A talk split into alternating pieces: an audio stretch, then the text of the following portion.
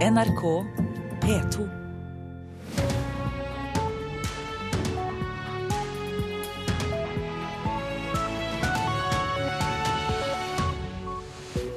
Og eh, politiaksjonen i Paris følger vi med på her i Nyhetsmorgen gjennom eh, morgenen.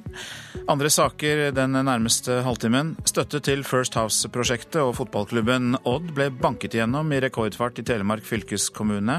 Opposisjonen føler seg overkjørt. Oljenæringens ansatte og arbeidsgivere krever flere tiltak fra regjeringen for å bevare arbeidsplasser og kompetanse.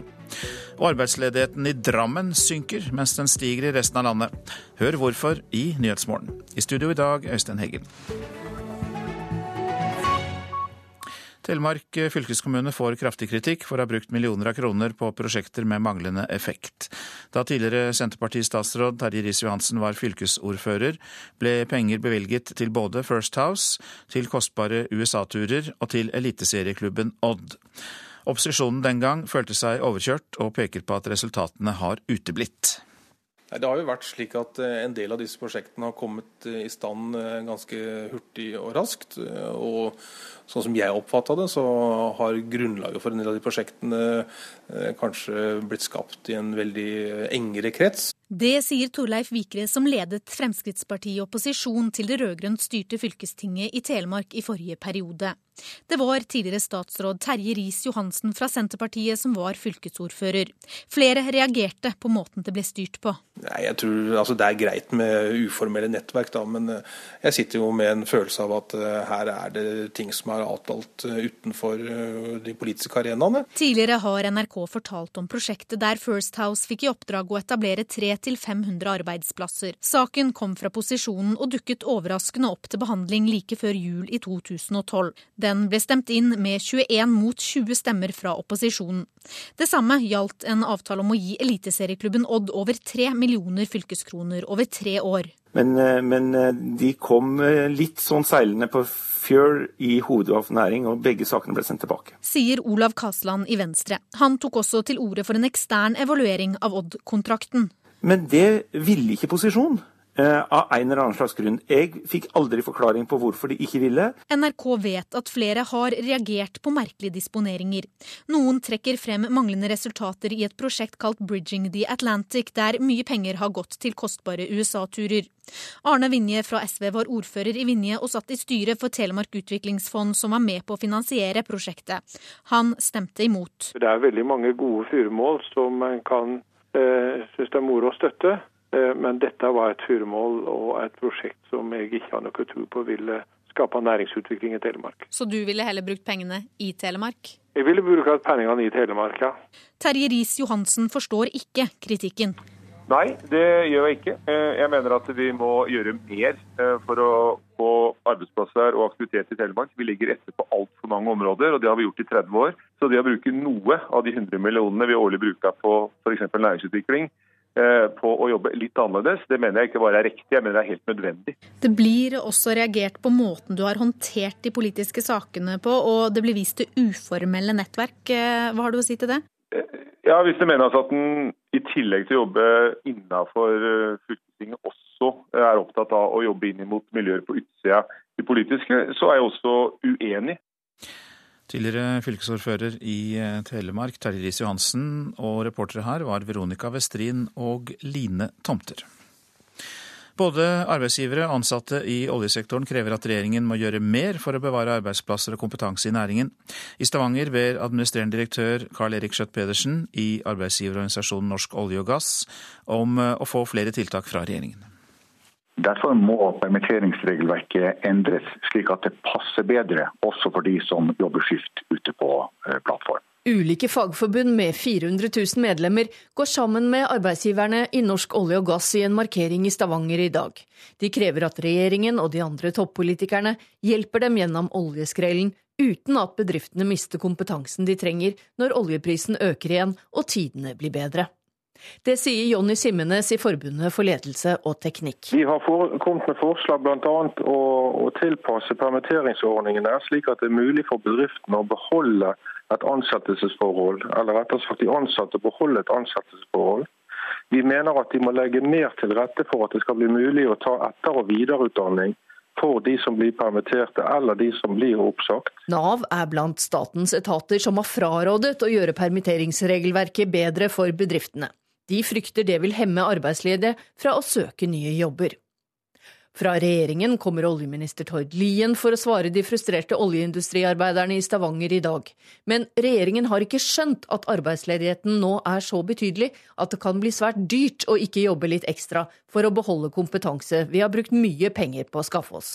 Det sier industri- energileder Leif Sande. I dag er det altfor mye bare fokusert på spar, spar, stenge ned, skru til. Altså, det er den mentaliteten. Man må se etter muligheter. For Det er viktig å holde på folk i næringen nå mens vi har denne nedgangsperioden.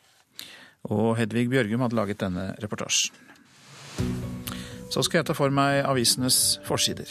Venstresida har sviktet, sier en fransk sosialistpolitiker til Klassekampen. Det er ekstremisme og sosial nød som preger forstedene utenfor Paris. Steder Frankrike har forlatt, uten skikkelige skoler, elendig kvalitet på husene og mangel på offentlige tjenester. Og Aftenposten omtaler hvorfor terrorceller oppstår i Belgia. Det er en kronglete organisering av politiet, det er enkelt å få tak i våpen, det er mange karismatiske ekstremister i Belgia, og det er mye fattigdom og arbeidsledighet også der. VGs forside viser i dag det siste bildet som ble tatt av tilskuerne på Batlacan-konserten i Paris før terrorangrepet fredag kveld. Dagbladet omtaler norske ekstremister. Noen av dem kan være ekstremt farlige, sier Politiets sikkerhetstjeneste, PST, til eh, avisa. En million norske Nordea-kunder blir med til Sverige, og banken slipper de strenge norske kapitalkravene. Dagens Næringsliv skriver at Norges nest største bank blir en filial av den svenske Nordea-konsernet, og kan dermed tilby billigere lån i Norge. Veronica Orderud tar fengselsprestene i forsvar i Vårt Land. Hun skrev sin masteroppgave om fengselsprestene under soningen, og er ikke enig med Human-Etisk Forbund, som krever at ordningen med fengselsprester erstattes med et bredere livssynstilbud. Store bruk kan få investeringsstøtte, kan vi lese i Nasjonen. Landbruksminister Sylvi Listhaug vil ikke utelukke de største gardsbrukene fra støtteordningen. Utidig av departementet, det er reaksjonen fra Ole Andreas Byrkjedal, leder i Rogaland Bondelag. Arbeidere brukes og kastes, er oppslaget i Dagsavisen. Tre av ti som dør på jobb er utlendinger, viser tall fra Nav. De har ofte dårligere opplæring og utsettes for større risiko på jobben enn sine norske kolleger. Gleder seg til en ny start i Norge etter over et år i det krigsherjede Jemen, skriver Bergens Tidende. Elleve år gamle Elleve år gamle Shaima Josef og familien fikk sin sak vurdert på nytt etter den nye forskriften om asylbarn, som har vært lenge i Norge. Og tilbake i Lillesand så gikk Shaima straks ut for å leke med sine gamle venninner. Tilbudt gratis Botox og nye silikonpupper av sine sponsorer. Kite-stjernen Kari Skibevåg sier til Stavanger Aftenblad at hun er glad for å ha stått imot det stadig sterkere kroppspresset som dagens ungdommer utsettes for. Antidoping Norge vil foreløpig ikke nekte russiske friidrettsutøvere å delta i OL. INADO, som er paraplyorganisasjonen for 53 nasjonale antidopingbyråer, mener at Russland ikke klarer å rydde opp før OL neste år. Men det er for tidlig å ta stilling til det, mener Anders Solheim i Antidoping Norge. Han er i USA nå, på styremøte i Verdens antidopingbyrå. Vi mener at det er såpass lenge til at det kan være så bombastisk nå at nå må man jo se hva som skjer om, kan, om de der kan anbefale dette her før OL eller etter OL, så er det opp til komiteen. Og så får den eh, kommisjonen som Det internasjonale friidrettsforbundet nå har oppnevnt, ta stilling til eh, når de mener at eh, russiske utøvere kan delta på like vilkår med andre utøvere sånn at vi får rene konkurranser. Lederen for kommisjonen, som er nedsatt av Det internasjonale friidrettsforbundet, er norske Rune Andersen. Han er også på plass på WADAs styremøte i Colorado Springs, og legger ikke skjul på at det blir en stor oppgave. Jeg syns det er en veldig utfordrende oppgave å bli spurt om å gjøre. Det er veldig mye som må gjøres, og det har jeg også fått vite nå i løpet av disse dagene her hvor veldig mye av antidopingekspertisen i verden er samlet. Um, så det blir eh, hektisk. Det blir mye å gjøre. Men det er naturligvis viktig å gjøre det for å beskytte ærlige og rene utøvere. Og heller ikke han kan si noe om arbeidet er ferdig før OL i Rio de Janeiro neste år. Det er umulig å si. Vi må se på omfanget av den jobben vi skal gjøre. Og så må vi se hvor mye arbeid det er, og hvor mye arbeid den russiske friluftsforbundet er villig til å, å ta for seg. Reporter Ørjan Bjørnstad. Håndballspillere i Aust-Agder vil snart få sin egen spesialskrevne musikk. Bassist Ole Kelly Kvamme har fått oppdraget og skal lage musikk som ikke bare skal underholde, men også gjøre spillerne bedre. Håndballspill har en egen rytme. Det gjelder bare å finne den. Og akkurat det har bassist Ole Kelly Kvamme fått i oppdrag å gjøre. Det er mye rytme i, i sport. De ser jo det når du ser et bra fotballangrep og sånn òg. Hvordan de finner hverandre, det samspillet. Det har mye med framdrift å gjøre og sånn, da. Han arbeider med et bestillingsverk som heter nettopp Rytme, og som er basert på lydene som oppstår på håndballbanen. Hvilke bevegelser det gjør, og finnes det noe der som man kan putte inn i en form for musikkforløp, da. Så da blir det nesten en liten forskning hvor hvilke deler av et angrep kan vi bruke til å lage en intro, f.eks. Det kan godt være f.eks. jeg kikker på én spiller, og hvilke lyder er det i beina hans og kroppen hans når han lager en frosk, f.eks. da. De neste to ukene kan både ØIF Arendal, IK Grane kvinner elite og to aldersbestemte lag for jenter og gutter i Arendal vente seg besøk av Kvamme. F.eks. kan denne her kanskje passe hvis de bare skal eh, kaste ball til hverandre eller ha oppvarming. For Kvammes musikkverk skal ikke bare underholde. Den skal også motivere og kunne brukes aktivt i treningsarbeid. Hvor det ikke er så veldig sånn De skal ikke prestere noe her, de skal bare komme i gang. Sant? Så det er litt den stemninga der, da. Hvis det går f.eks. i 120 BPM, da, slag i minuttet, så er jo det disko. Den sitter veldig bra hos folk, da. Så kanskje den er fin å løpe intervaller etter, f.eks. Så det er litt sånn de kan bruke kanskje noen av de musikkperiodene mine til treningsarbeid, da. Aust-Agder idrettskrets er blant initiativtakerne til bestillingsverket, som skal urframføres på en nyetablert idrettsgalla i Arendal i midten av desember. Akkurat nå er det Strømmen Glimts gutter 15 som har besøk av Kvamme. Og guttenes trener Leif Gautestad syns ideen om et eget musikkverk er god. Det å ha et, sitt um, ideelle spenningsnivå er jo, er, jo, er jo viktig. Og hvis denne musikken kan være med og sette de i riktig modus, så er det supert. Har du troa? Ja, vi har alltid troa. Også Ole Kelly Kvamme har troa. Han har allerede funnet en rytme i 15-åringenes angrepsspill. De ligger rundt mellom 55 og 63-64 BPM når de veksler. Så det er jo Hvis du dobler det, så har du mellom 117-18 og 120. Det er ganske bra for folk å forholde seg til. da. Hvis du har 120 beats per minute, det er jo disko Michael Jackson.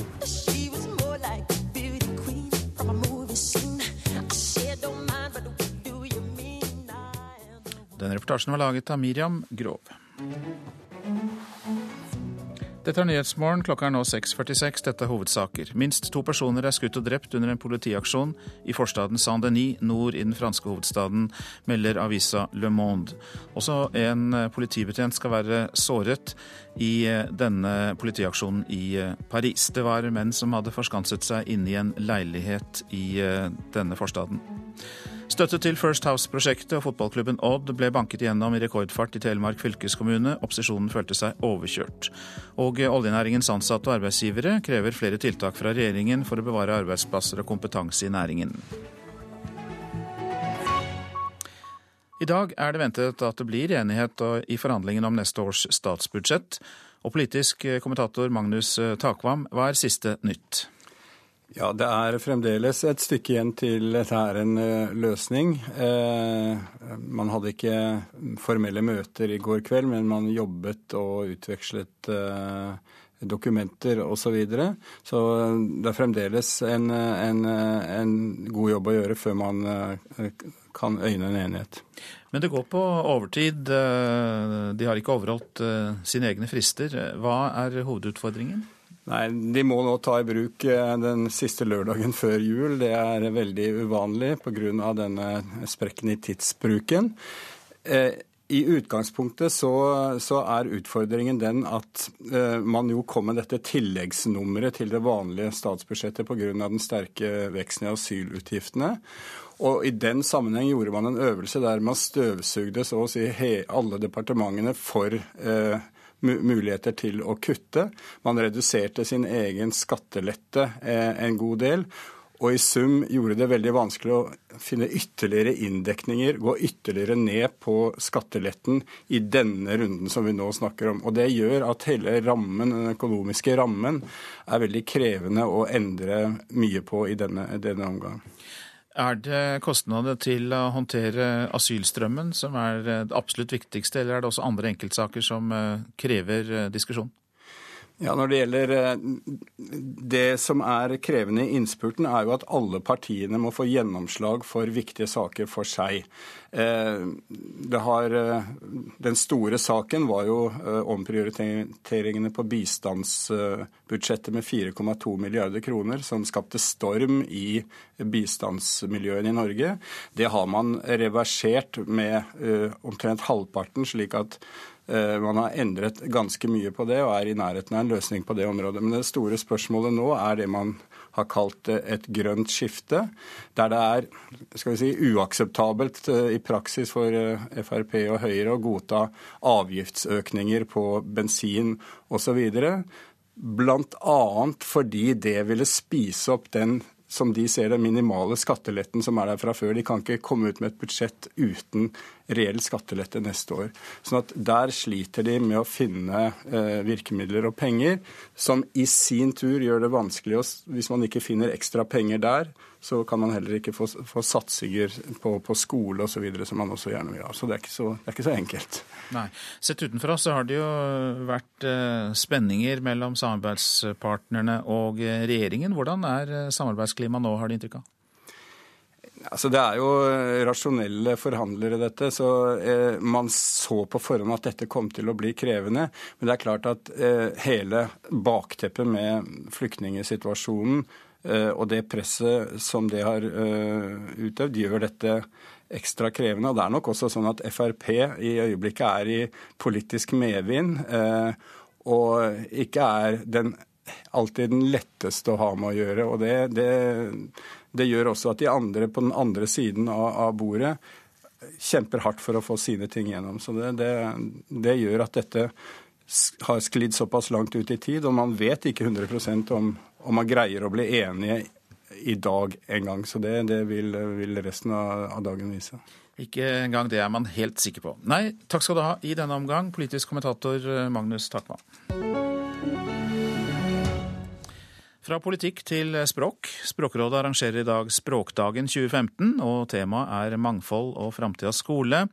Og det er jo slik da at eh, sentrale skolefolk og forskere gjerne vil diskutere hvilke kunnskaper elevene trenger i framtida.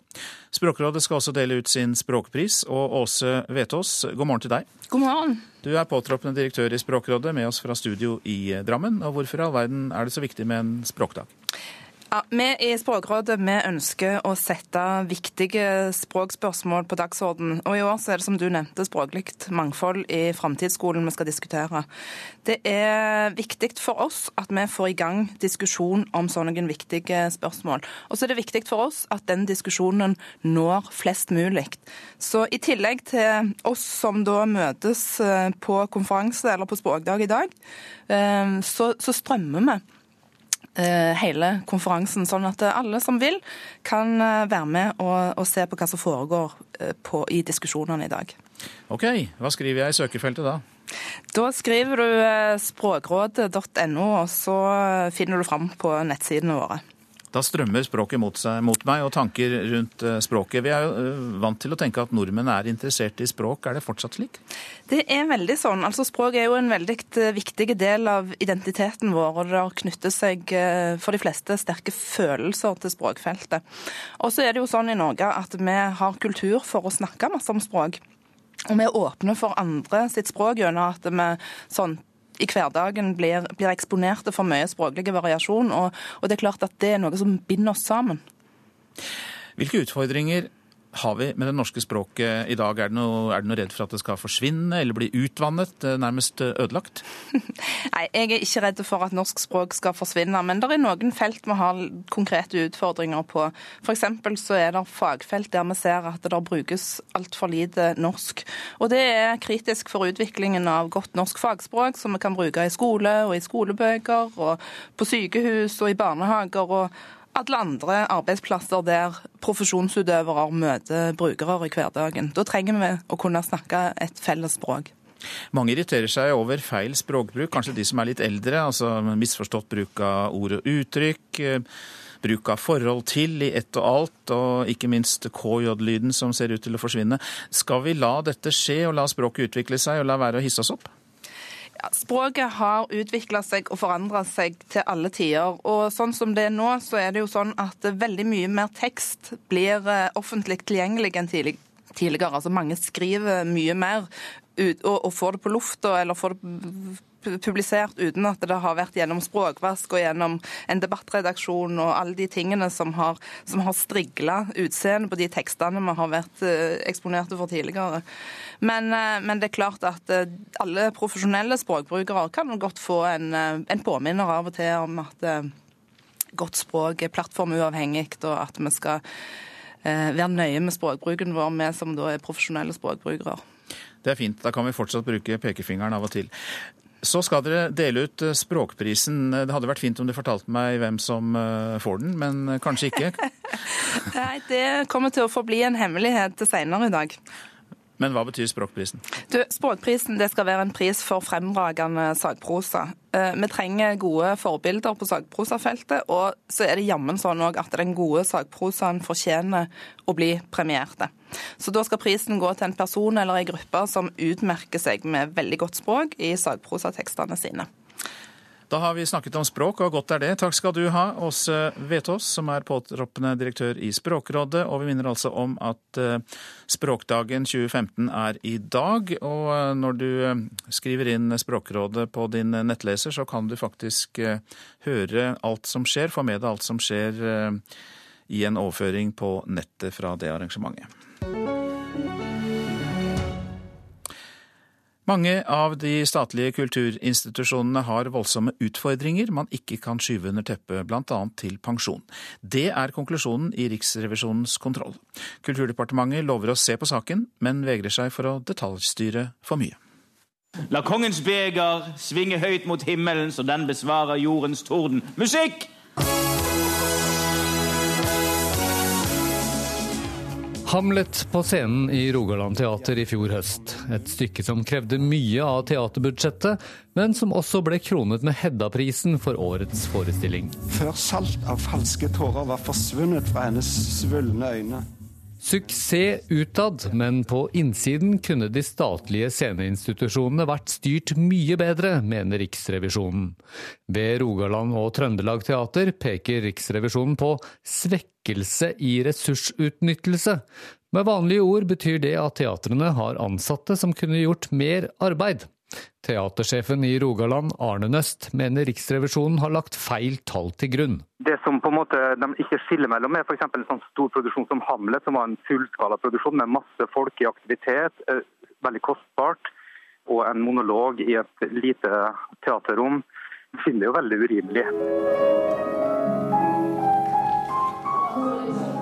Unge ballettdansere ved Operaen i Oslo, landets dyreste kulturinstitusjon, som også får kritikk av Riksrevisjonen. Danserne her kan gå av med pensjon når de bare er 41 år, og hvordan man skal håndtere de stadig voksende pensjonsutgiftene er det ennå ingen som vet. Det er helt riktig at eh, pensjon eh, tar en stadig, stadig, større del av vår økonomi. Sier Operaens administrerende direktør Nils Are Karstad Lyse. Hele økningen i midlene vi har fått i denne perioden, og mer til, har gått med til økte pensjonsutgifter, som jo er den største økonomiske utfordringen og hemskoen for effektiv drift vi, vi har i Operaen. Men Overordnet alt dette så kritiserer Riksrevisjonen Kulturdepartementet. Kulturdepartementet tenker ikke helhetlig nok om å bli flinkere på å bruke de mange styringsmulighetene man har, er konklusjonen. Statssekretær Bjørgulf Vinje Borgundvåg innrømmer at Kulturdepartementet har forbedringspotensial. Vi vil gjennomgå departementenes retningslinjer for eierstyring av selskapene. Vi vil legge til rette for at vi mer systematisk kan hente inn den styringsinformasjonen som er nødvendig, og at vi må følge opp og kontrollere tilskuddene til de scenekunstselskapene bedre. Men dette må samtidig skje innenfor at ikke vi går inn og detaljstyrer institusjonene på bekostning av den kunstneriske friheten. Reporter her, det var Petter Sommer. Så var det værvarselet. Fjell i Sør-Norge. Enkelte snøbyger i Langfjella, vesentlig i vestlige områder, ellers oppholdsvær i fjellet. Østlandet stort sett oppholdsvær, perioder med sol, vesentlig da i vestlige områder først på dagen.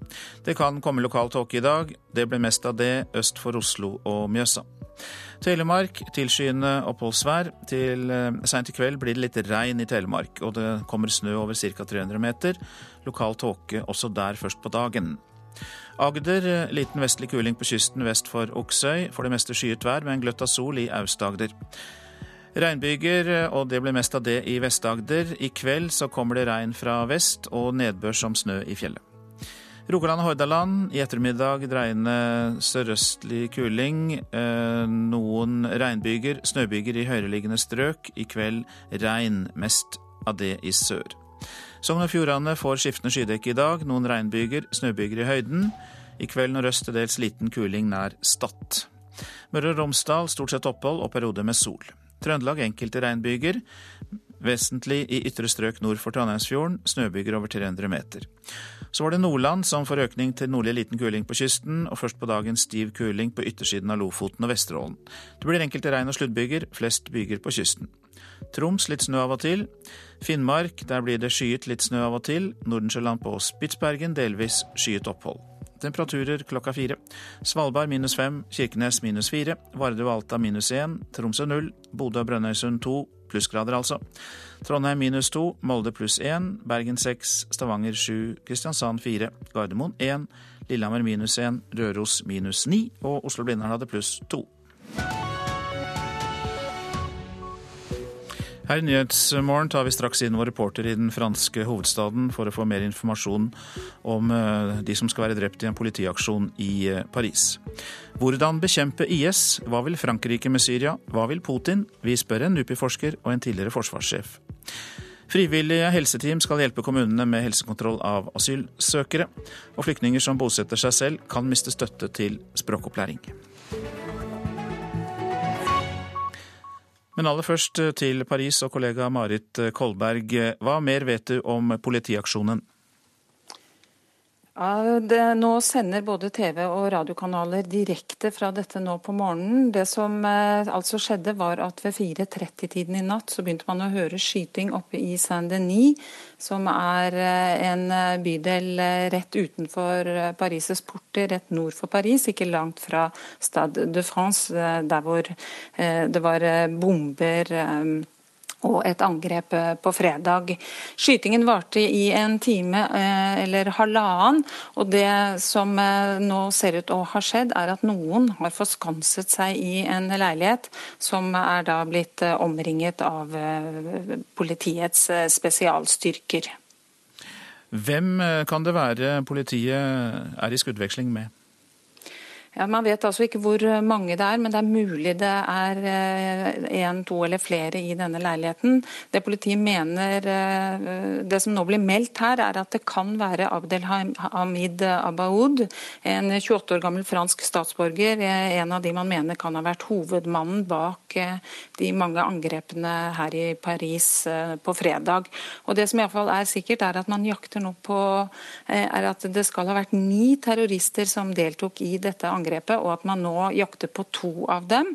Videoovervåkingsbilder har nemlig bekreftet at det satt tre personer i en av bilene som kjørte, og fra hvor det ble skutt mot folk eh, som satt på restauranter og kafeer i Paris.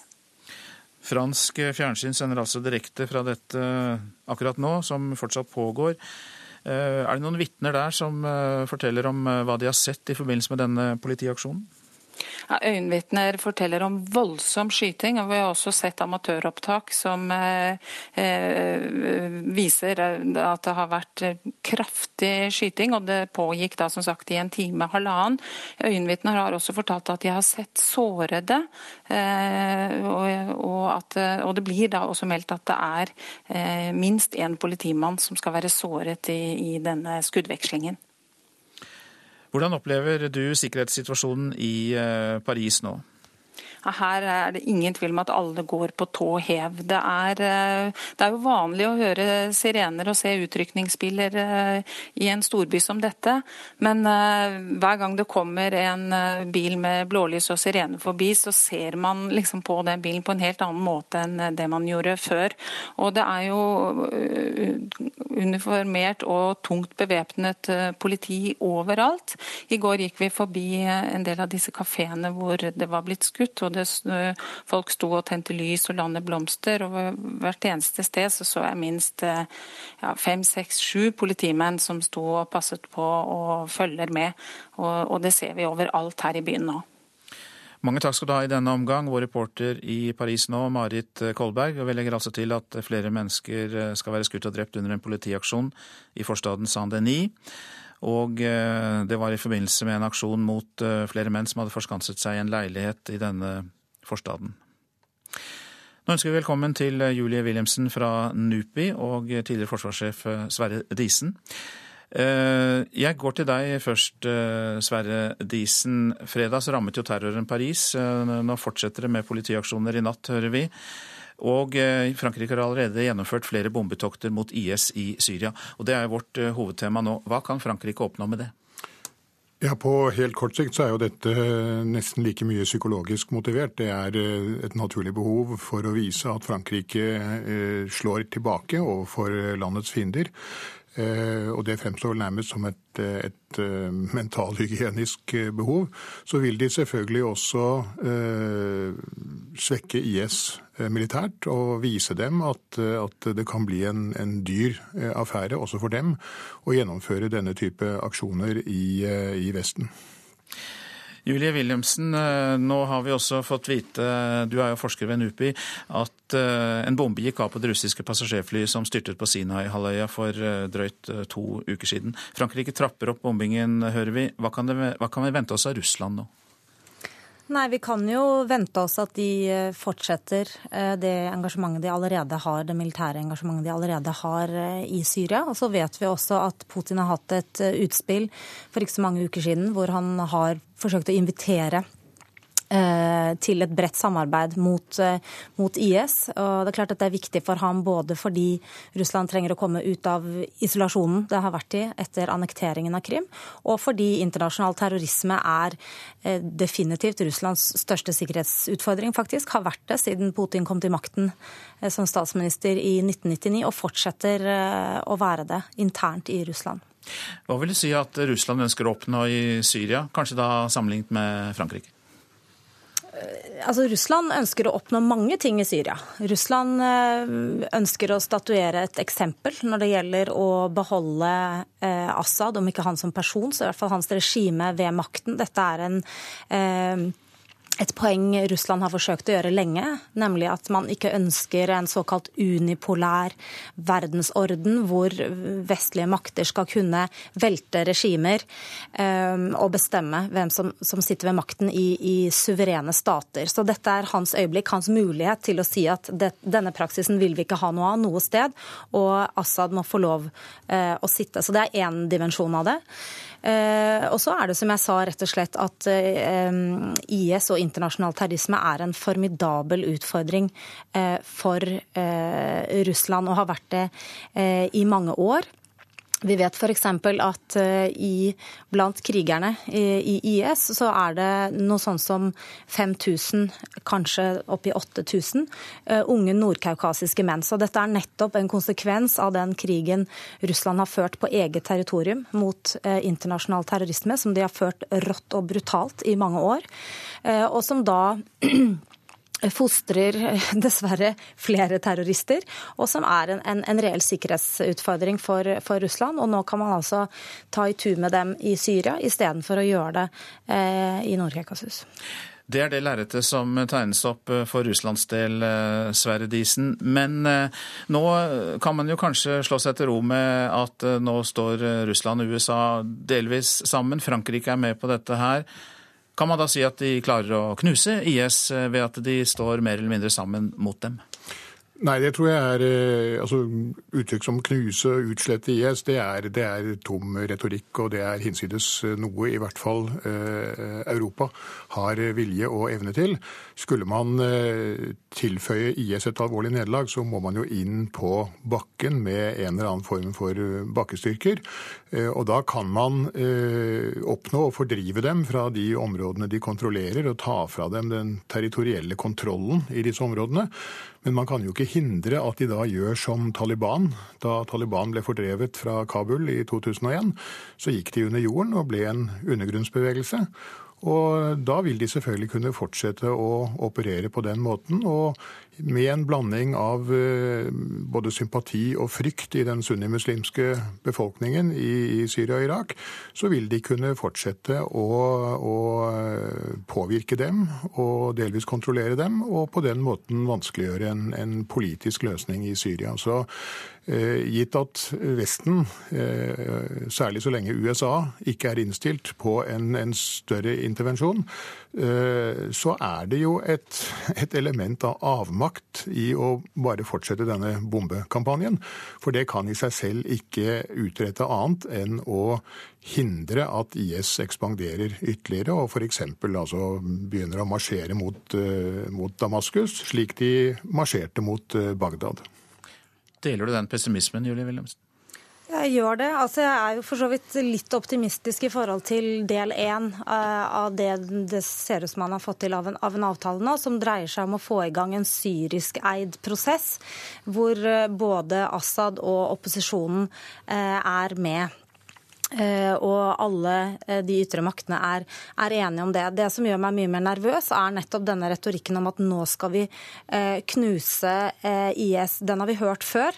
Selv har jeg hørt den i forbindelse med hvordan Russland håndterer terrorisme. Og resultatet, for fordi det er, så, eh, det er en så ensidig politikk eh, eh, som utelukkende går på bruk av tvangs- og, og, og voldsmakt. Eh, spørsmålet er om man klarer å, å, hindre det fenomenet man forsøker å bekjempe. Når man bomber, rammer man sivilbefolkning. Eh, og veldig lett så, så, gjør man da at eh, marginaliserte muslimske grupper faktisk etter hvert stoler mer på terroristene enn de gjør på, på de som bomber. Og bakkestyrker er selvfølgelig kjempeproblematisk også, for plutselig så har du eh, vestlige okkupasjonsstyrker, eller russiske okkupasjonsstyrker, i, i Midtøsten. Og det er retorisk noe terroristene kan bruke. Det er et komplisert og vanskelig scenario. Sverre Disen, burde vi Burde de da la være å gå til militært angrep når det likevel ikke vil nytte? Nei, det, det, tror jeg ikke. Altså, man kan godt si at dette er et problem som, som ikke liksom har noen ren militær løsning. På den annen side så har det altså ingen løsning hvor ikke militærmakt eh, inngår som en del. Og Det er jo det som gjør dette så komplisert. Altså Det er et, nok et eksempel som vi har sett tidligere i, i andre dysfunksjonelle stater i Midtøsten og, og i Afrika. Eh, det krever eh, disse vanskelige, eh, kombinerte sivile militære strategiene som, som Vesten egentlig ikke har egnede institusjoner for å, å, så å si gjennomføre. Og det krever selvfølgelig også veldig ofte en tålmodighet og en, en vilje til å stå i en type konflikt som, som, vi egentlig ikke har, i hvert fall hvis vi skal se på Afghanistan som et, som et eksempel. Så tror jeg det er overmåte viktig at at eh, Vesten her altså knytter seg enda tettere til eh, de arabiske land i en koalisjon, for at det ikke da skal bli en, eh, skal vi si, en situasjon hvor man bekrefter IS' narrativ om at Vesten har gått til krig mot islam.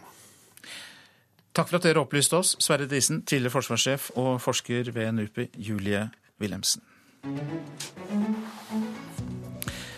Du lytter til Nyhetsmorgen, og klokka den passerte nettopp eh, kvart over sju. Dette er eh, hovedsaker. Minst én person er drept i en politiaksjon i Saint-Denis utenfor Paris. Det melder nyhetsbyrået AFP. Også en politibetjent skal være såret i aksjonen mot menn som hadde forskanset seg inne i en leilighet. Fransk politi bekrefter at aksjonen har sammenheng med jakten på mennene som deltok i terrorangrepet i Paris fredag. Støtte til First House-prosjektet og fotballklubben Odd ble banket igjennom i rekordfart i Telemark fylkeskommune. Opposisjonen føler seg overkjørt. Og vi har også hørt at oljenæringens ansatte og arbeidsgivere krever flere tiltak fra regjeringen for å bevare arbeidsplasser og kompetanse. Så skal vi høre at regjeringen vil ha en egen beredskapsgruppe med frivillige leger og sykepleiere som skal hjelpe kommunene som tar imot flyktninger. Flere kommuner frykter at de ikke har kapasitet til å gi god nok helsehjelp til befolkningen når det kommer så mange asylsøkere som nå. Det sier helse- og omsorgsminister Bent Høie.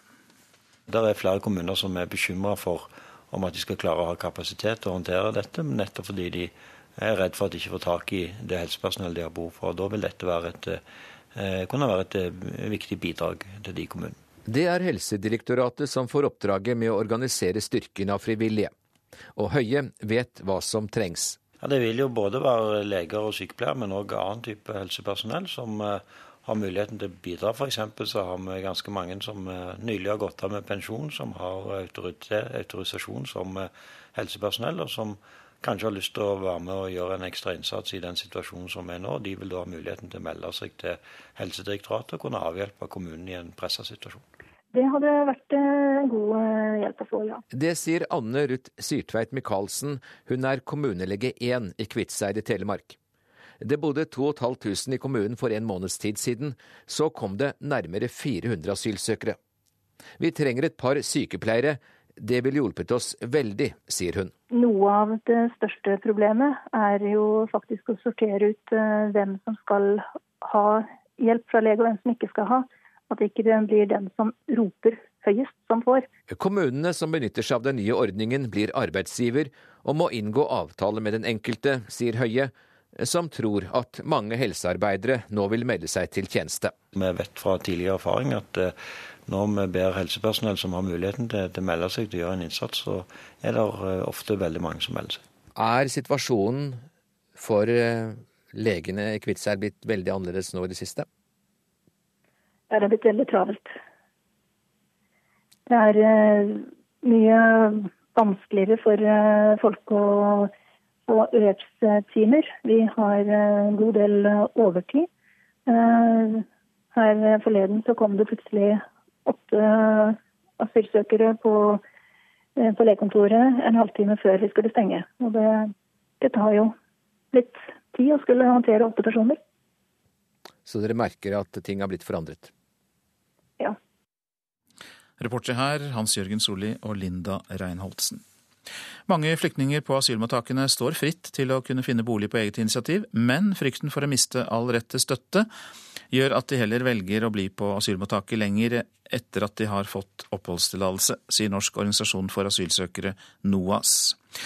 Men for syriske Elia Hansen var det om å gjøre å komme seg ut av asylmottaket så fort som mulig. Livet i asylmottak var veldig vanskelig, fordi man kan ikke vite når man skal flytte ut, og når man skal starte på livet. 26-åringen bytter navn fra Ali al-Salim til Elia Hansen etter at han kom til Norge for åtte måneder siden. Han spurte en rekke kommuner om de ville ta imot han, men fikk avslag. Flyktninger som trosser avslaget til kommunen og likevel flytter, mister all rett til økonomisk støtte og norskundervisning. Jeg skulle ta sjansen og flytte ut uten hjelp. Men han var veldig heldig. I siste liten sa Drammen kommune ja til å ta imot Elia etter at han hadde funnet bostad sjøl. Jeg ble veldig, veldig glad. I dag venter omtrent 5000 flyktninger som bor på asylmottak på å bli bosatt i en kommune i offentlig regi. Mange av de ville sannsynligvis valgt å flytte fra asylmottakene dersom de fikk beholde retten til offentlige ytelser, uavhengig av om kommunen de flytter til, ønsker å ha dem der eller ikke, sier seniorrådgiver i NOAS Jon Ole Martensen. Å gi flyktningene disse rettene er bare bra, mener han. Du kan få folk fortere ut av mottak, fortere inn i kommunen, fortere ut i arbeid. Flyktningene venter i gjennomsnitt nesten ni måneder på å bli bosatt av en kommune nå. Asylmottak er allerede fulle, og ventetida kan bli lengre med den økte asylstrømmen. Derfor er det viktig at vi fyller opp verktøykassa vår med gode verktøy for å få til en raskest mulig eh, bosetning. I Sverige blir det lagt opp til at flyktninger i større grad kan bosette seg sjølve, men inkluderingsministeren Solveig Horne er skeptisk til å endre reglene her i Norge, og mener det bør være frivillig for kommunene om de ønsker å ta imot flyktninger som har behov for hjelp og støtte. Ja, vi har sett de utfordringene som de har i Sverige, både med gettofisering, og er veldig glad for at regjeringen er veldig tydelig på at vi ønsker å fortsette å ha en, en frivillig bosetting. Eh, for det er på den måten vi kan lykkes. NOAS mener gettofisering kan bli avverget ved å ikke ikke åpner for selvbosetting for flyktninger i absolutt alle kommuner. Men Horne derimot holder fast ved at ordninga slik den er i dag, er god nok. Det er en viktig, god ordning. Det er å ha kommunene med på laget. Det at kommunene sjøl kan bestemme hva kapasitet de skal ha. Reporter her, det var Hiba Sarmadawi. Nå en gladnyhet fra Drammen, for arbeidsledigheten synker der, mens den stiger i resten av landet. Norge har hatt en økning i ledigheten på 10,9% det siste året, men i Drammen har den sunket med 7. En av dem som har fått fast jobb der, er Anja Torjesen, og det er hun glad for. Veldig, veldig, veldig fint. Jeg var heldig. Kom inn, og etter tre måneder da, så ble jeg fast ansatt. Siden har hatt en trygg og god fast Anja jobber i logistikkbedriften Tanke AS, som leverer varer til bokhandlere. Hun var arbeidsledig i to år før hun kom hit, men er ikke alene om å ha fått seg jobb. Arbeidsledigheten i Drammen har uh, gjennom 2015 sunket uh, betraktelig. Fra et uh, nivå på 4,2% fra tidlig på året til ned til 3,6 nå. Det er, det er lavt til å være Drammen. Det sier leder for Nav i Drammen, Steinar Hansen. Og her er svaret på hvorfor. Vi har vært veldig opptatt av å gå ut i Drammenssamfunnet og Drammensregionen eh, og fri til arbeidsgivere og snakke med ledere ute i virksomhetene og spørre om ikke dere er interessert i å ta samfunnsansvar og bidra til å gjøre døra bredere og høyere, slik at eh, flere som står utenfor arbeidslivet kan komme inn i arbeidslivet. Nav i Drammen har fridd til arbeidsgiverne og pekt på samfunnsansvaret de har med å få folk i arbeid. Det har båret frukter. Vi ber om at folk eh, ser sin rolle som arbeidsgiver i et storsamfunn. Det å få integrert eh, flere av de som står utenfor arbeidslivet, i arbeidslivet, eh, er en viktig rolle som arbeidsgivere har i dag. Mm. Utover det å skape eh, vekst og, og fremgang i egen virksomhet. En av dem som fikk Nav på døra, var Jens Sageng, daglig leder hos Tanke AS. Vi er ca. 18 ansatte her, og vi har seks personer som er fast ansatt nå, som kommer fra Nav-systemet. Men eh, tenker du at du er med på å ta et samfunnsansvar? Ja, jeg gjør jo det. Altså, jeg har ansvaret for å få en drift til å gå rundt her, og helst sitte igjen med litt på båndlinja her også. Og jeg legger ikke skjul på at det har vært mye at det er litt ekstra jobb med å, å ta inn folk som har vært arbeidsledige lenge og, og kanskje har forskjellig bakgrunn. Da. Men det har funka veldig, veldig bra hos oss. Alternativet for denne arbeidsgiveren hadde vært å bruke vikarer. Så Anja, som fikk fast jobb, mener at Nav i Drammen har en stor del av æren for at jobben er hennes. Jeg er veldig fornøyd. Jeg kom inn og gjorde så godt jeg kunne. Prøvde å vise meg fram. At det var verdt å satse på. Men eh, Nav var veldig snille. Flinke. Reporter i Drammen, Karoline Bekkelund Hauge. Så var det avisene. Venstresida har sviktet, sier en fransk sosialistpolitiker til Klassekampen. Det er ekstremisme og sosial nød som preger forstedene utenfor Paris. Steder Frankrike har forlatt, uten skikkelige skoler, elendig kvalitet på husene og mangel på offentlige tjenester. Og Aftenposten omtaler hvorfor terrorceller oppstår i nabolandet Belgia. Det er en kronglete organisering av politiet, det er enkelt å få tak i våpen, det er mange karismatiske ekstremister i Belgia, og det er mye fattigdom og arbeidsledighet der.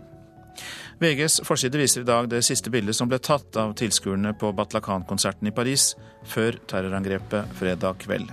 Dagbladet omtaler norske ekstremister. Noen av dem kan være ekstremt farlige. Det sier Politiets sikkerhetstjeneste, PST, til avisa. En million norske Nordea-kunder blir med til Sverige, og banken slipper de strenge norske kapitalkravene. Dagens Næringsliv skriver at Norges nest største bank blir en filial av det svenske Nordea-konsernet, og kan dermed tilby billigere lån i Norge. Veronica Orderud tar fengselspresten i forsvar i Vårt Land. Hun skrev masteroppgave om fengselspresten under sin soning, var ikke enig med Human-Etisk Forbund, som krever at ordningen med fengselsprester erstattes av en ordning med bredere livssynstilbud. Store bruk kan få investeringsstøtte, kan vi lese i Nasjonen. Landbruksminister Sylvi Listhaug vil ikke utelukke de største gardsbrukene fra støtteordningen. Det er utidig av departementet, sier Ole Andreas Byrkjedal, leder av Rogaland Bondelag. Arbeidere brukes og kastes, er oppslaget i Dagsavisen. Tre av ti som dør på jobb er utlendinger, viser tall fra Nav. De har ofte dårligere opplæring og utsettes for større risiko på jobben enn sine norske kolleger. Gleder seg til ny start i Norge etter over et år i det krigsherjede Jemen. Det skriver Bergens Tidende om. Elleve år gamle Shaima Josef og familien fikk sin sak vurdert på nytt etter de nye forskriftene om lengeværende asylbarn. Og tilbake i Lillesand så gikk Shaima straks ut for å leke med sine gamle venninner. Besøkshundtjenesten til Røde Kors har blitt eh, svært populær. Tidligere i år startet Røde Kors i Hordaland prosjektet og har trent opp 18 hunder. Mange hundeeiere står på venteliste for å bli med. Labradoren Irja var straks klar til å bli den første besøkshunden på Bømlo. Ja, jeg ser halen står opp og lagrer, så jeg syns jeg ser dette. Møt Irja, fem år. Bømlo Røde Kors sin første besøkshund.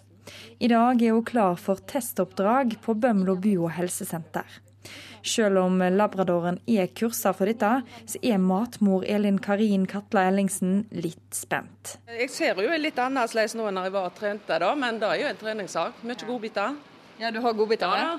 Hva er det du har med? Det er lever. Hei, hei. Nå kommer Irja og jeg på besøk. ja, det er en flott hund, altså. Kan ikke vi få ha han her? Ha? Har du lyst til å ha henne med deg på rommet? Ja, ja, ja. ja. ja. Jeg er varm hund av deg. Hadde du hund før? Ja, hjemme hos oss. Hadde en sånn liten labrador. Du må være her, du. Ja, det må du være. Du må være her og passe på oss. Interessen for Irja er overveldende. Inger Hansine Nilsen er helt oppslukt. Ingen tvil om at hunden kan være mennesket sin beste venn. Kommer til meg, ikke til henne. Det er jeg som har godbitene, vet du. Ja, det. Irja, kom her. Hun får godteri, sukker, sjokolade. Jeg vet du hva hun får? Hun får lever. Le lever. Tørka lever. Ja. det er godt. har jeg aldri fått godt. Besøksvenn med hund er ei utviding av Røde Kors i besøkstjeneste. Matmor Elin Karin Katla Ellingsen fra Bømlo er glad i å prate med eldre og vil gjøre en innsats. Det er hun ikke alene om. Nå er det venteliste på kursene, forteller Merete Berland, som koordinerer Hordaland Røde Kors i besøkstjeneste. Pågangen er stor, og eh, pågangen bare øker. Nå til neste kurs så har vi eh, mange flere interesserte enn vi har plasser på kurs. Selv om det er venteliste nå, vil Røde Kors sette opp kurs fortløpende. Det gjør vi. Det er pågangen som eh, bestemmer om vi setter opp nye kurs, og vi ønsker jo å satse videre i 2016. Så eh, dette er absolutt en aktivitet som er kommet for å bli, og som vi ønsker å styrke. Det skaper glede blant beboerne. De, de gleder seg til hunden kommer. Har du lyst til å klappe òg? Du, det lover noe godt dette her, da? Ja, sant? Ja, jeg blir helt rørt. Ja, du blir det? Ja, jeg blir det. Du ser hvor ser fjesene på deg, hvor begeistra de blir. Det er kjempe. Ann-Kristin Stensen, leder for besøkstjenesten i Bømlo Røde Kors, gleder seg over å ha fått besøkshund på øya. Det første jeg ser når jeg kommer inn, det er jo da at alle smiler. Og alle blir foroverlent. Nå er vi jo helt i startgropa, og jeg håper at eh, hundeeiere fra hele øya melder seg på kurs. Dette gikk over all forventning. Gleder du deg til besøket? Ja, jeg gleder meg veldig. Jeg er jo veldig glad i gamle folk, da. Og Hunden min elsker jo folk, så hun oppførte seg veldig fint, syns jeg sjøl. Jeg er stolt over henne.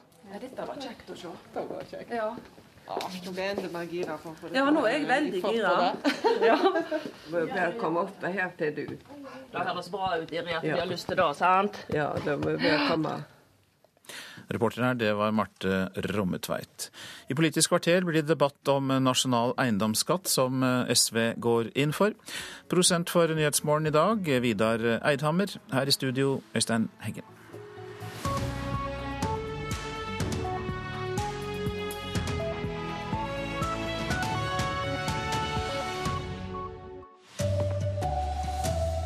Flere mennesker er skutt i en politiaksjon utenfor Paris. Minst én er drept. Flyktninger som selv finner seg et sted å bo, kan miste støtteordninger. Og hver tiende 13-åring som bruker Snapchat, sender intime bilder. Her er NRK Dagsnytt klokka 7.30 ved Anne Jetlund Hansen. Utenfor Paris så er ett menneske drept og flere såret i en antiterroraksjon som fortsatt pågår i forstaden Saint-Denis. Ifølge nyhetsbyrået Ap bekrefter politiet at flere av deres betjenter er såret i skuddvekslinger. Og reporter Marit Kolberg i Paris, hva vet du om det som skjer? Ja, Det er et massivt eh, politioppbud. Det er antiterrorpoliti som har omringet en leilighet i bydelen eh, Saint-Denis, som altså er rett utenfor Paris' eh, porter. France Info, radiostasjonen, melder at det skal være hele fem personer som har forskanset seg i en leilighet her. Men dette er opplysninger som ikke er bekreftet ennå. Det som iallfall sikkert er at det er én eller to i denne leiligheten. For det har siden klokka 4.30 i morges vært hørt voldsomme skuddvekslinger i dette området. Folk i Saint-Denis våknet eh, til et eh, voldsomt eh, leven. Det har vært eksplosjoner, og det har hengt helikopter i lufta i disse morgentimene her over Saint-Denis. Hvem er det politiet aksjonerer mot?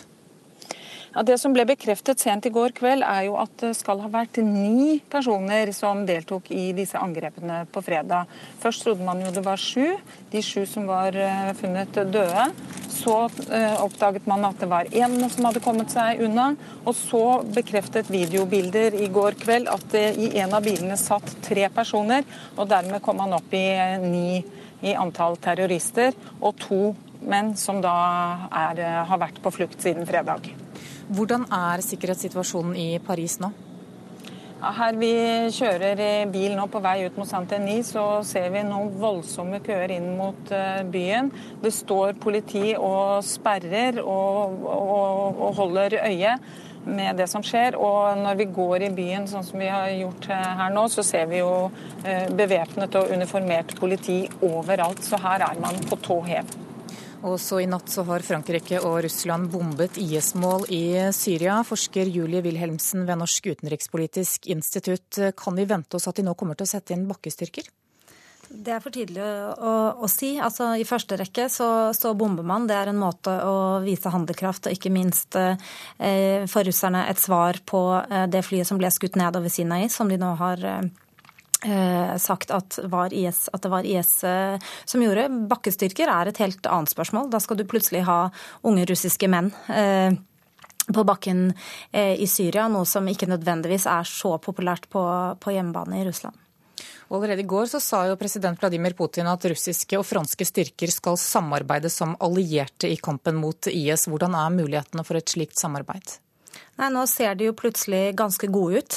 For bare noen uker tilbake ville de jo være eh, nærmest utenkelige. For det har jo vært en isfront mellom Russland og, de vestlige statene etter eh, annekteringen av Krim. Men nå har man altså en, en, felles eh, fiende som man er enige om å knuse. Retorikken er jo veldig veldig lik på fransk og, og russisk side. Så det er det store muligheter for. Og det er jo også nettopp det Russland og vestlige stater har kunnet samarbeide om, hvis man ser det over en 15-årsperiode periode.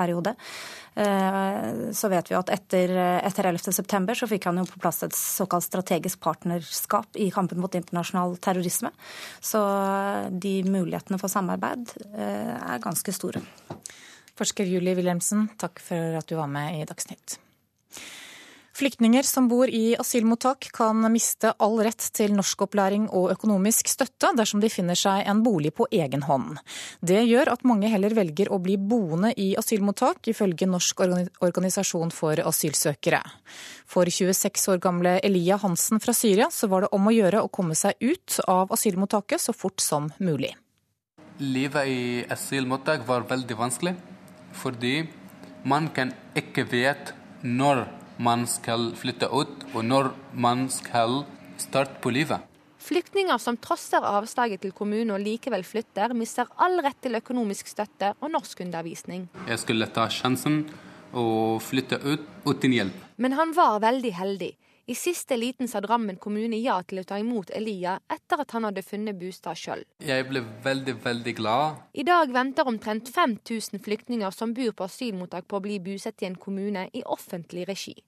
Mange av de ville sannsynligvis valgt å flytte fra asylmottakene dersom de fikk beholde retten til offentlige ytelser, uavhengig av om kommunen de flytter til ønsker å ha dem der eller ikke, sier seniorrådgiver i NOAS Jon Ole Martensen. Du kan få folk fortere ut av mottak, fortere inn i kommunen, fortere ut i arbeid. Flyktningene venter i gjennomsnitt nesten ni måneder på å bli bosatt av en kommune nå. Asylmottak er allerede fulle, og ventetida kan bli lengre med den økte asylstrømmen. Derfor er det viktig at vi fyller opp verktøykassa vår med gode verktøy for å få til en raskest mulig eh, bosetning. Men Horne derimot holder fast ved at ordninga slik den er i dag, er god nok. Det er en viktig, god ordning. Det er å ha kommunene med på laget. Det at kommunene sjøl kan bestemme hva kapasitet de skal ha. Ja, det sa inkluderingsminister Solveig Horne, og reporter her det var Hibba Sarmadawi. Regjeringen vil opprette en egen beredskapsgruppe med frivillige leger og sykepleiere som skal hjelpe kommuner som tar imot flyktninger. Flere kommuner er redde for at de ikke har kapasitet til å gi god nok helsehjelp til befolkningen når det kommer så mange asylsøkere som nå. Det sier helse- og omsorgsminister Bent Høie. Det er flere kommuner som er bekymra for om at de skal klare å ha kapasitet til å håndtere dette, nettopp fordi de er redd for at de ikke får tak i det helsepersonellet de har behov for. Da vil dette være et Eh, kunne være et eh, viktig bidrag til de kommunene. Det er Helsedirektoratet som får oppdraget med å organisere styrken av frivillige. Og Høie vet hva som trengs. Ja, det vil jo både være leger og sykepleiere, men òg annen type helsepersonell som uh, har muligheten til å bidra. F.eks. så har vi ganske mange som nylig har gått av med pensjon, som har autorisasjon som helsepersonell, og som kanskje har lyst til å være med og gjøre en ekstra innsats i den situasjonen som er nå. De vil da ha muligheten til å melde seg til Helsedirektoratet og kunne avhjelpe kommunen i en pressa situasjon. Det hadde vært eh, en god eh, hjelp å få, ja. Det sier Anne Ruth Syrtveit Michaelsen. Hun er kommunelege 1 i Kviteseid i Telemark. Det bodde 2500 i kommunen for en måneds tid siden. Så kom det nærmere 400 asylsøkere. Vi trenger et par sykepleiere, det ville hjulpet oss veldig, sier hun. Noe av det største problemet er jo faktisk å sortere ut eh, hvem som skal ha hjelp fra lege, og hvem som ikke skal ha. Kommunene som benytter seg av den nye ordningen, blir arbeidsgiver og må inngå avtale med den enkelte, sier Høie, som tror at mange helsearbeidere nå vil melde seg til tjeneste. Vi vet fra tidligere erfaring at eh, når vi ber helsepersonell som har muligheten til, å melde seg til å gjøre en innsats, så er det eh, ofte veldig mange som melder seg. Reportere var Hans Jørgen Solli og Linda Reinholdsen. Mer enn hver tiende 13-åring som bruker nettjenesten Snapchat, sender bilder med intimt eller seksuelt innhold. Og én av tre 13-åringer mottar nakensnapper. Forbausende høye tall, det sier førsteamanuensis Berit Skog ved NTNU, som har gjennomført en undersøkelse av unge snappere. Det var krenkende, først og fremst. Det var jeg, jeg jeg satt med en liten klump i halsen nesten hele kvelden. da. Mm. Fordi at du fikk denne? Ja, for jeg, det er jo ikke noe koselig å få sånne bilder. 13 år gamle Nora Bjørnstad fra Trondheim er som nesten alle sine venner på Snapchat. Og hun har iallfall én gang fått nakenbilder som Snap. Det samme har 12 år gamle Sara Myrvang, som vi møter på Folkebiblioteket. Jo, jeg har mottatt ja, men jeg blokker dem som regel etterpå. Dette skjer i langt større grad enn venta, forteller førsteamanuensis Berit Skog ved NTNU. Hun har gjennomført en spørreundersøkelse blant de 1,8 millioner brukerne av Snapchat i landet. Undersøkelsen viser at svært unge både får og sender naken eller intime snapper. I aldersgruppa 13 til 15 så er det ca. 10% som har sendt intime snapper sjøl, mens det er 32% som har eh, mottatt intime snapper. Og så skjer det et voldsomt hopp i gruppa 15 17 år. Ja, der er det langt flere som sender denne type bilder. Problemet er at snappene nødvendigvis ikke forsvinner. De kan bli fanga opp, lagra og lagt ut på internett. Og det sa reporter Stein Lorentzen. Vi har akkurat fått melding om at Greveskogen skole i Tønsberg holder stengt i dag pga. trusler mot skolen på et nettsted. Det er politiet i Vestfold som melder dette. Vi kjøper stadig mer økologisk mat. I fjor økte salget av økologiske produkter i dagligvarebutikkene med 30% ifølge Oikos Økologisk Norge. Ansvarlig for Dagsnytt, det var Gro Arneberg. Det er Nyhetsmorgen du lytter til. Nylig ble den 59 år gamle russeren Mikhail Lesin funnet død i USA, på et hotellrom i Washington DC. Siden han hadde vært både en av Russlands mektigste og rikeste menn, og omstendighetene var mystiske rundt dødsfallet, så ble det raskt spekulert i dødsårsaken. Russland-korrespondent Morten Jentoft har mer.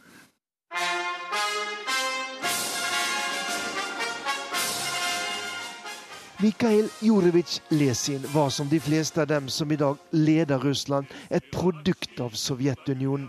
Født i en familie med jødiske røtter, som arbeidet innenfor den gigantiske militære industrien, som til slutt tok knekken på landets økonomi, og som førte til at imperiet i 1991 falt sammen.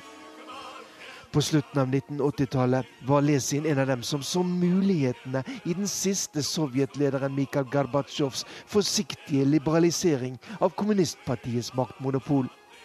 Han bygde seg opp innenfor TV-reklame, og etter at det nye Russland sto opp fra ruinene av Sovjetunionen, var han snart en av de nyrike som veltet seg i luksus, mens det store flertallet av befolkningen slet med å overleve. Men Mikhail Lesin, som raskt fikk et rykte på seg som en dyktig, men skruppelløs leder, ville også ha politisk makt og innflytelse. Og det fikk han som sjef for nyhetsbyrået Rea Novosti, som også er en overlevning fra Sovjetunionens dager. Жили-были бабушки и дедушки, и их дети. I den posisjonen var han en av dem som i 1996 gjennom finurlige TV-reklamer klarte det som få trodde var mulig, å sørge for at den syke og sterkt reduserte Boris Jeltsin ble gjenvalgt som russisk president. Nå var Mikhail Lesin for alvor innenfor den innerste maktsirkel i Russland. Og som sjef for det statlige russiske TV-selskapet sørget han i løpet av noen få år for å få både det og en rekke andre medier direkte under kontroll av regjeringen. Tiden for en fri presse utenfor statlig styring i Russland var i ferd med å renne ut.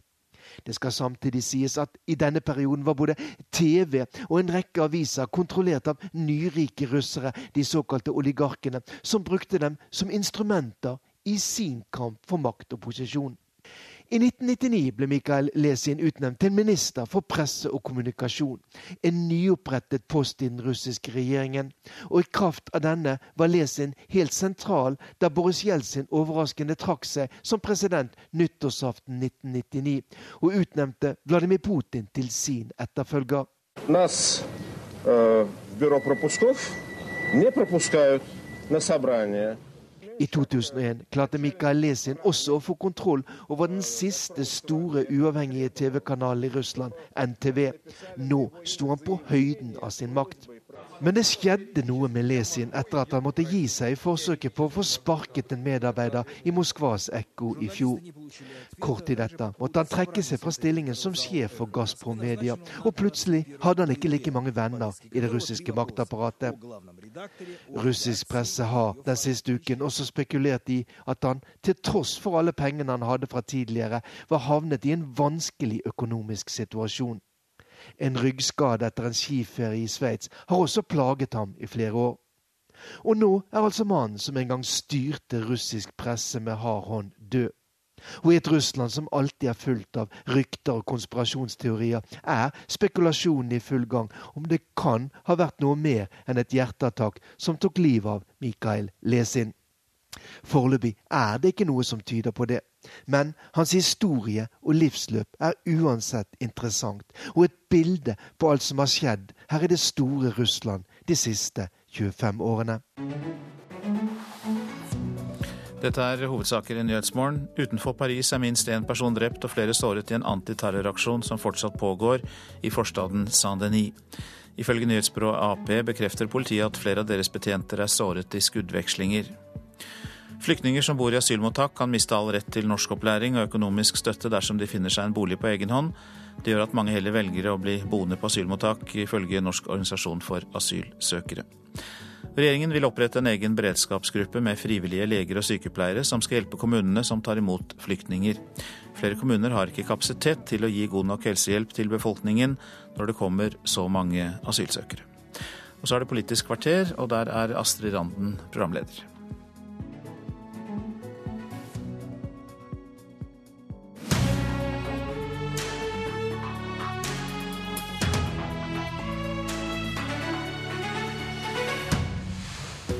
SV vil skattlegge huset ditt mer, inntekta di mindre. Som første parti går de inn for nasjonal eiendomsskatt. Og det kan bli semje om nytt statsbudsjett i dag. Vi får siste oppdatering om forhandlingene. God morgen, dette er Politisk kvarter. SV gjør altså en snuoperasjon i sitt alternative budsjett og går inn for nasjonal eiendomsskatt. Som jeg kunne lese i Klassekampen i går, vil partiet at staten skal skattlegge 1,7 millioner norske boliger. Og påtroppende nestleder og finanspolitisk talsperson i SV, Snorre Valen, hvorfor er dette rett vei å gå?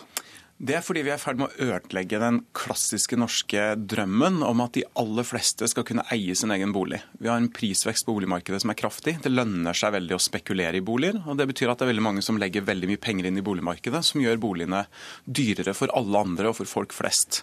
Men vil ikke du da gjøre det enda dyrere med å innføre eiendomsskatt? Nei, for vi vil senke inntektsskatten betydelig for alle inntektsgrupper som tjener mindre enn 750 000. Og det betyr at de aller fleste husstander i Norge vil gå i pluss med vårt forslag.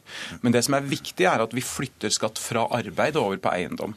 Og Det er fordi den største driveren av sosiale forskjeller det er de ulike mulighetene som følger av at noen arver og eier veldig mye, mens andre, uansett hvor hardt de jobber, ikke får de samme mulighetene. Så hvis du på sikt skal sørge for at flere får råd til å komme seg inn på boligmarkedet, så er boligskatt veien å gå. Og Det er jo også eh, et ganske utvetydig råd fra de breie økonomiske fagmiljøene i Norge. En rekke kommuner har eiendomsskatt allerede. Vil en nasjonal eiendomsskatt komme i tillegg, altså at en skattlegger boligen to ganger? Ja, Å Skattleggen to ganger blir litt feil. Den vil komme på toppen, men vi senker jo inntektsskatten til de som betaler boligskatt. Eh, og Det representerer også en omfordeling fra de som eier i dag, til de som ikke har muligheten til å eie og som ikke kommer seg inn på boligmarkedet. Så de som vil komme aller altså best ut To ganger. Altså, Du kan si at de fleste skatter i Norge betales to ganger. Vi har moms i tillegg til inntektsskatt, så det syns jeg ikke er særlig viktig. Det som er viktig, er at staten på sin side flytter skatt fra arbeidsinntekta di og over på eiendom i stedet. For det betyr også at de som ikke har muligheten til å kjøpe seg bolig i dag, sitter igjen med mest. Og det er en rettferdig og god omfordelingspolitikk. Torbjørn Røe Isaksen, du er kunnskapsminister, men du leier også arbeidet med Høyre sitt nye partiprogram. Det er altså slik at Scheel-utvalget vil ha den, NHO vil ha den. Ei rekke økonomer har tatt til orde for den, og nå altså også SV. Hvorfor sier det nei til nasjonal eiendomsskatt? Ja, dette er jo en eh, skatt på vanlige folk og på vanlige boliger. og Da behøver man ikke være professor i politikk for å spå at det også kommer til å gå som vanlig. Nemlig at man starter med et lavt skattenivå, og så kommer det til å øke og øke og øke. Eh, det er jo sånn at Dette ville vært en god omfordelende politikk hvis man hadde bodd i et land hvor de rike eide bolig og folk flest leide. Men sånn er det ikke i Norge. Og Det er fordi vi i mange år har ført en politikk for å få folk til å kjøpe sine egne hus. Og mange, De aller fleste vanlige folk i Norge og vanlige familier i Norge har også lagt sparepengene sine, brukt et liv på å bygge opp og investere i bolig. Og det at man skal skattlegge det, det er unødvendig. Eh, og, og ja, lite fremtidsretta. Når det er sagt, så syns jeg det er veldig bra at SV legger opp til en klar og tydelig skattediskusjon hvor man får en klar, klart valg mellom eh, SVs politikk og, og ja, f.eks. regjeringas politikk. og Det står litt i kontrast til f.eks. Arbeiderpartiet, som isteden i sitt budsjett har valgt å saldere med penger som ikke fins. Vi skal straks høre fra Arbeiderpartiet. Torstein Tvedt eh, Solberg, du sitter i finanskomiteen eh, for Ap. Og er Ap for eller imot nasjonal eiendomsskatt? Nei, Som SV så står det heller ikke i vårt program at vi er for nasjonal eiendomsskatt i denne perioden. Men jeg har jo også sett at Snorre Valen har sagt at han ikke er gift med akkurat den modellen han han legger fram at det er signalene som er viktige. Og i vårt alternative budsjett, det er jo der Arbeiderpartiet har presentert sine signaler, der vil vi ha et veldig et omfordelende system. Der blir det sånn at eiendom blir beskatta mer gjennom formuesskatten. Spesielt næringseiendom og boligen du sjøl ikke bor i, Formue beskattes mer. Men, men, men, men Solberg, jeg stilte deg et ganske enkelt spørsmål. Er Arbeiderpartiet for eller imot nasjonal eiendomsskatt? Det svarte jeg på. Vi er, vi mot. Vi vil ha et mer omfordelende system. Så i vårt opplegg så blir det mer skatt på eiendom, mer skatt på formue, mindre skatt på arbeid og større rom for å skape arbeidsplasser. Men hvorfor mener det at nasjonal eiendomsskatt er en dårlig idé? Det finnes veldig mange veier til rom her, tror jeg. og jeg er Derfor er jeg enig med Røe Isaksen, som sier at det er viktig at SV tar opp denne diskusjonen.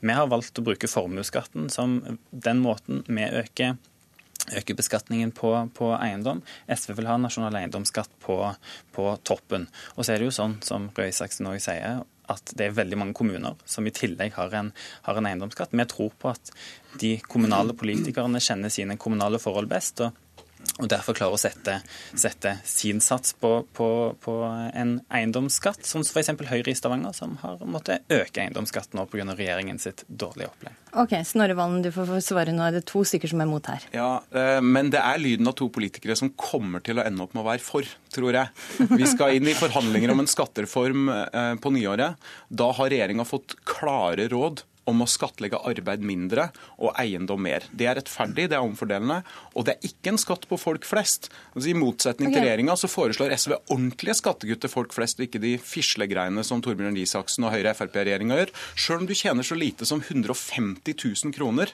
og har en bolig verdt 3 millioner, så går du i pluss med vårt forslag til eiendomsskatt og endring i inntektsskatten. Men kan vi ta det, det prinsippet, kan vi ta det prinsippet, for Arbeiderpartiet er jo for å skattlegge bolig mer. Er Høyre også for det prinsippet om at bolig bør skattlegges mer, inntekt mindre? Vi er ikke for at vi skal skattlegge vanlige folks bolig mer, men vi også, via uh, formuesskatten, gjør at, uh, for å si det veldig enkelt, vi er opptatt av at uh, man skal investere pengene sine i arbeidsplasser og ikke sylte det ned i eiendom for de som har mye penger å investere. Men det SV foreslår, er noe helt annet. Når SV sier at dette ikke vil ramme vanlige folk, altså dette kommer til å ramme 1,7 millioner boliger og eiendommer, det er vanlige folk. Og jeg synes at dette hadde vært, hvis man, hadde, hvis man, hvis man ser på boligeiertallene i Norge, altså hvor mange av oss som eier egen bolig, så er ikke det noe som et privilegert liten elite gjør, sånn som i noen andre land. Det er folk flest som eier bolig. Og det er nettopp derfor det å, å lete med, eh, med, lys og lykter etter et nytt skatteobjekt og skattlegge det, det kommer til å gjøre til at skattenivået øker. Og det skattlegger da noe som folk flest har og har investert penger i. Er det bare det du ønsker, Valen, å øke skattenivået? Jeg tror ikke grunnen til at NHO er for en nasjonal eiendomsskatt, er fordi de vil knuge ned folk flest med skatt. Ja, det er fordi de vil ha ned formuesskatten. Og det er liksom usjarmerende når Torbjørn Røe Isaksen, som er en av de smarteste i Høyre, later som han egentlig ikke forstår det her. For det er egentlig ganske enkelt. Når du skattlegger eiendom så lite som i Norge, så gjør du det veldig lønnsomt å spekulere i bolig. Det driver prisene opp. Og det betyr at folk flest som eier sin egen bolig i Norge, ender opp med å betale mye mer enn de burde for boligen. Vi har blant de høyeste boligene boliggjellene i verden. Da er vi nødt til å skattlegge bolig på en bedre måte. Kom... Og så kompenserer vi folk flest ved kutt i inntektsskatten. Det er en smartere måte å skattlegge på. Det vil føre til lavere boligprisvekst på sikt, og det har en sterk sosial omfordelingsprofil. Ok, Men hva med pensjonisten som sitter i et stort hus med låg inntekt, med, altså et stort hus med verdt mye, men har låg inntekt? Vi kommer til å foreslå en modell der de kan søke om fritak, og at den eiendomsskatten de egentlig skulle betalt, eventuelt går inn som et krav i boet ved skifte. På den måten så ivaretar vi den sosiale profilen. Og så må jeg jo bare minne om at det er veldig mange flere unge mennesker i etableringsfasen som ikke har råd til å kjøpe egen bolig, enn det er pensjonister som eier en bolig de ikke får råd til å betale eiendomsskatt på. Det, noe av problemet er at hvis vi ikke gjør noe med boligmarkedet nå, og skattlegging av eiendom, så vil vi ikke i framtida ha en virkelighet der folk flest kan sitte igjen med en nedbetalt bolig når de er gamle. Jeg, jeg syns eh, resonnementet om at vi må gjøre det dyrere å bo for at flere skal få sjanse til å bo, mener jeg ikke henger på greip. Men det er to andre ting som heller ikke henger på greip i Snorre Valens resonnement. Det ene er at det er enighet om jeg er også enig i at det er et mål at de som har penger å investere, skal investere i arbeidsplasser og ikke sylte ned i eiendom. Det gjør vi også noe med. Men det betyr ikke at vi behøver å innføre en ny boligskatt for 1,7 millioner boliger, altså for vanlige folk. Den andre tingen som ikke henger på greip, det er jo når Snorre Valen sier at dette skal ha en enorm effekt på prisøkningen i boligmarkedet. Det vil det ikke gjøre når skatten er så lav. Og Det er jo allerede, som jeg da nevnte innledningsvis, et godt signal om at for at SV skal oppnå det de ønsker, nemlig en kraftig dempning av boligprisveksten, så må jo skatten også øke ganske kraftig. Mm, du skal få svare på dette, Snorre Valen, men mm. først vil jeg gi ordet til Torstein Tvedt Solberg. Du var med ord her. Ja, for eh, vi må jo huske hva altså, Skatt i seg selv er jo ikke målet, det er eh, middelet. Eh, det, interessante å, se er jo i Stavanger så har Høyre der måttet øke eiendomsskatten. Det var fordi at hvis de ikke gjorde det, så måtte de legge ned sykehjem. De måtte kutte i skolene, som, som sikkert kunnskapsministeren er, er, veldig opptatt av. Så Derfor har vi lagt fram et helhetlig omfordelende eh, skattesystem, som nesten er som et kinderegg, der en både får arbeid, arbeidsplasser og omfordeling. Okay, nå diskuterer vi SVs om, om, om, dette, for at Problemet der SV faktisk gjør en mye grundigere jobb enn styringspartiet Arbeiderpartiet, er jo at SV finner inndekning for forslagene sine. Arbeiderpartiet har lagt fram et alternativt statsbudsjett hvor de 5 milliarder kroner er penger som de vet de ikke kommer til å få i 2016, men de allikevel salderer med. Og Det er sånne ting vi ikke forventer fra Arbeiderpartiet. Ok, Vi tar eiendomsskatten her og ikke salderinga, og lar Snorre Valen få svare til slutt. Ja, Eh, Høyre snakker om at det skal lønne seg å jobbe. Problemet er at de kun bruker det argumentet når de skal kutte i ordningene til uføre og trygdede, og ikke når de innretter skattesystemet. Og For meg er det jo helt åpenbart at det er ikke å øke skatten for folk flest når du kutter inntektsskatten for folk flest og de med lav lønn med mange tusen kroner, og så henter du inn noe av de pengene på en nasjonal eiendomsskatt. Det er å flytte penger fra de som har mye, til de som har lite. Og det er en politikk som gjør det mindre lønnsomt å spekulere i det som bør være folks egen bolig, og mye mer lønnsomt å jobbe for de som virkelig trenger at det lønner seg mer å jobbe. Det er et eh, stykke fram til eh, nasjonal eiendomsskatt kan bli nasjonal politikk. Snorre, men takk for at jeg kom hit og tok debatten. Eh, Snorre Valen, Torbjørn Røe Isaksen og Torstein Tvedt Solberg.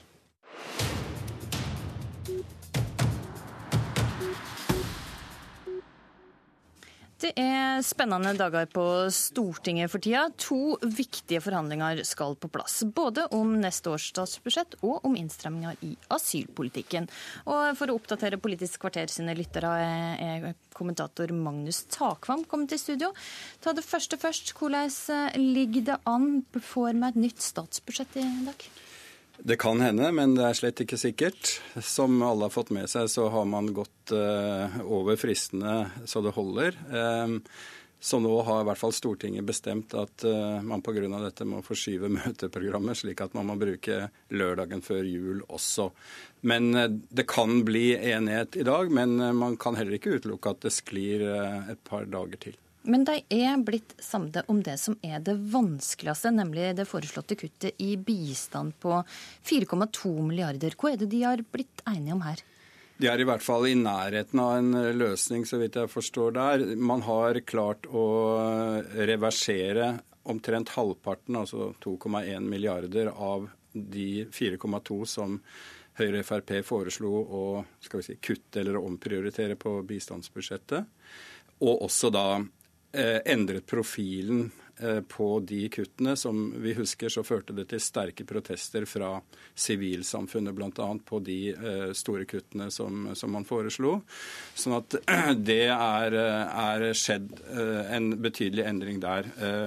Så det er nok andre ting som nå i sluttspurten skaffer hodebry mer enn det. Bl.a. miljøavgifter og det grønne skiftet. Hva er status på diskusjonen om dette?